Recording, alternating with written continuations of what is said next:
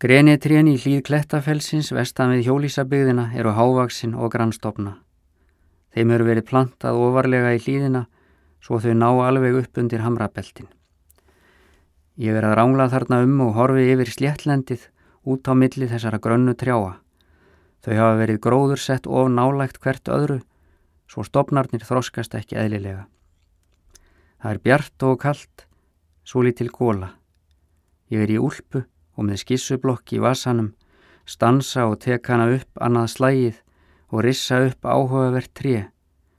Allra helst ef það er frábrúðið hinnum, kræklót eða undið á einhvern hátt. Það er eins með tré og fólk. Mér hefur alltaf fundist merkilegast þegar hægt er að sjá lífsareinsluna.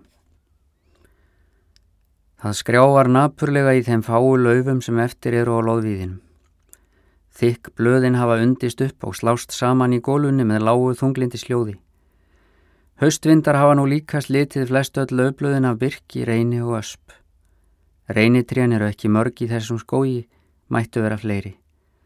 Þau príða hann mikið að sumarlægi með fagur mótaðri löfkrónu og sérstæðum grænum litblæ. Ég er berhentur og hálf loppin af nepjunni svo mér gengur ekki mjög vel að draga trían upp á blað. Mér finnst stundum eitthvað annarlegt við að tekna tríja og það sem einu sinni var líka tríja. Þannig hvita pappir. Í því er einhver óskiljanleg mótsögn eins og reyndar í allir í list. Örfáir staðfuglar flögra ennum skógin.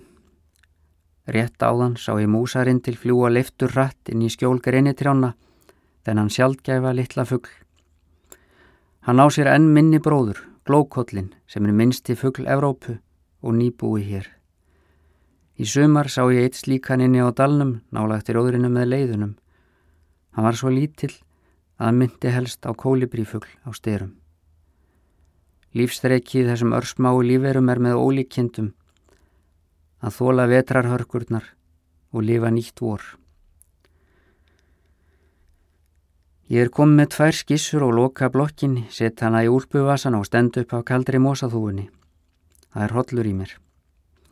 Ég horfi út um greinaþyknið, þangað sem jökulfljótið liðast niður slettuna og sandáinn saminast því. Þá er enn eftir langt ferðalag til sjávar. Hjólísin í rjóðrinu eru nánast umkomulegs að sjá hérdan, sínast öll svo lítil og ómerkileg, ekkert síður þau sem ég veit að eru flott og stór sérstakt hvað fjarlæðin jafnar allt út, jafnvel mismun í lífsgæðum. Er það svona sem skaparinn horfir þegar hann metur alla jafna, ríka og fátæka. Allt í einu heyri ég más fyrir aftan mig og finn til kvíða þegar ég sný mér við. Þarna er hundur skóarvarðanins komin, einsamall, svona risastór með lavandi tungu og veltentan kvoft. Þegar ég sá hann síðast lá hann hálf sofandi og bundin á dyrapalli. Hann er líkar í kálfi en hundi að stærð. Ég stýpna upp og er var um mig en hann kemur alveg að mér og hnusar af mér. Hægt og varlega dreyja aðra höndina upp úr vasanum, segi rólegur kvitti og legga hann á hausin á hann. Hann lætur sér það vel líka. Ég strík honum nýður eftir sterklegum hálsinum. Grár feldurinn er stinnur og snöggherður Ég tek um hálsólina og les á hana. Esop er letrað þar. Svo eigandin les Hamsun, muldra ég, hálfundrandi. Komdu kallin, segi ég svo og geng af stað og hann fylgir mér. Hann verðist vera komið nokkuð til ára sinna og ber sig fremur styrlega. Augun eru blóðhlaupin líkt og í gömlum drikkjumanni en þau eru viturleg og mild við nánari aðtugun. Hann töltir á eftir mér niður að hjólísunum Skaklappast var ég kannski næra að segja. Þetta er eins og að hafa úlf á heilunum þarna í skóginum og gefur trjánum með fram stíknum framandlegt yfirbragð. Ég er komin að starra hjólísinu mínu og stíg innfyrir, skil eftir opið.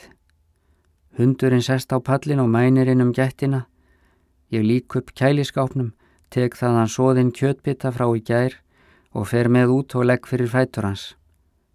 Hann byrjar strax að kjamsa á honum með áfergju. Ég loka hægt dyrunum og fer svo að hitta mér kaffi. Ég er enþá í úlpunni því mér er kallt. Þegar ég lít út um gluggan á hurðinni skömmu síðar er hundurinn farin og bara sporin eftir hann á rýmuðum pallinum.